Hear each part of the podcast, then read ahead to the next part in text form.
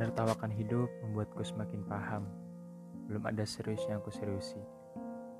Belum ada fokus yang aku perjelas dan belum ada tujuan yang ingin aku capai.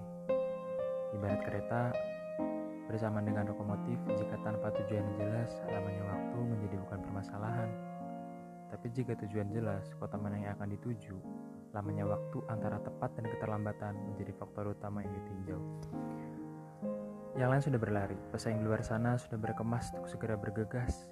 Aku semakin yakin, ke depan yang akan aku hadapi bukan saja orang-orang yang ada di sekitarku.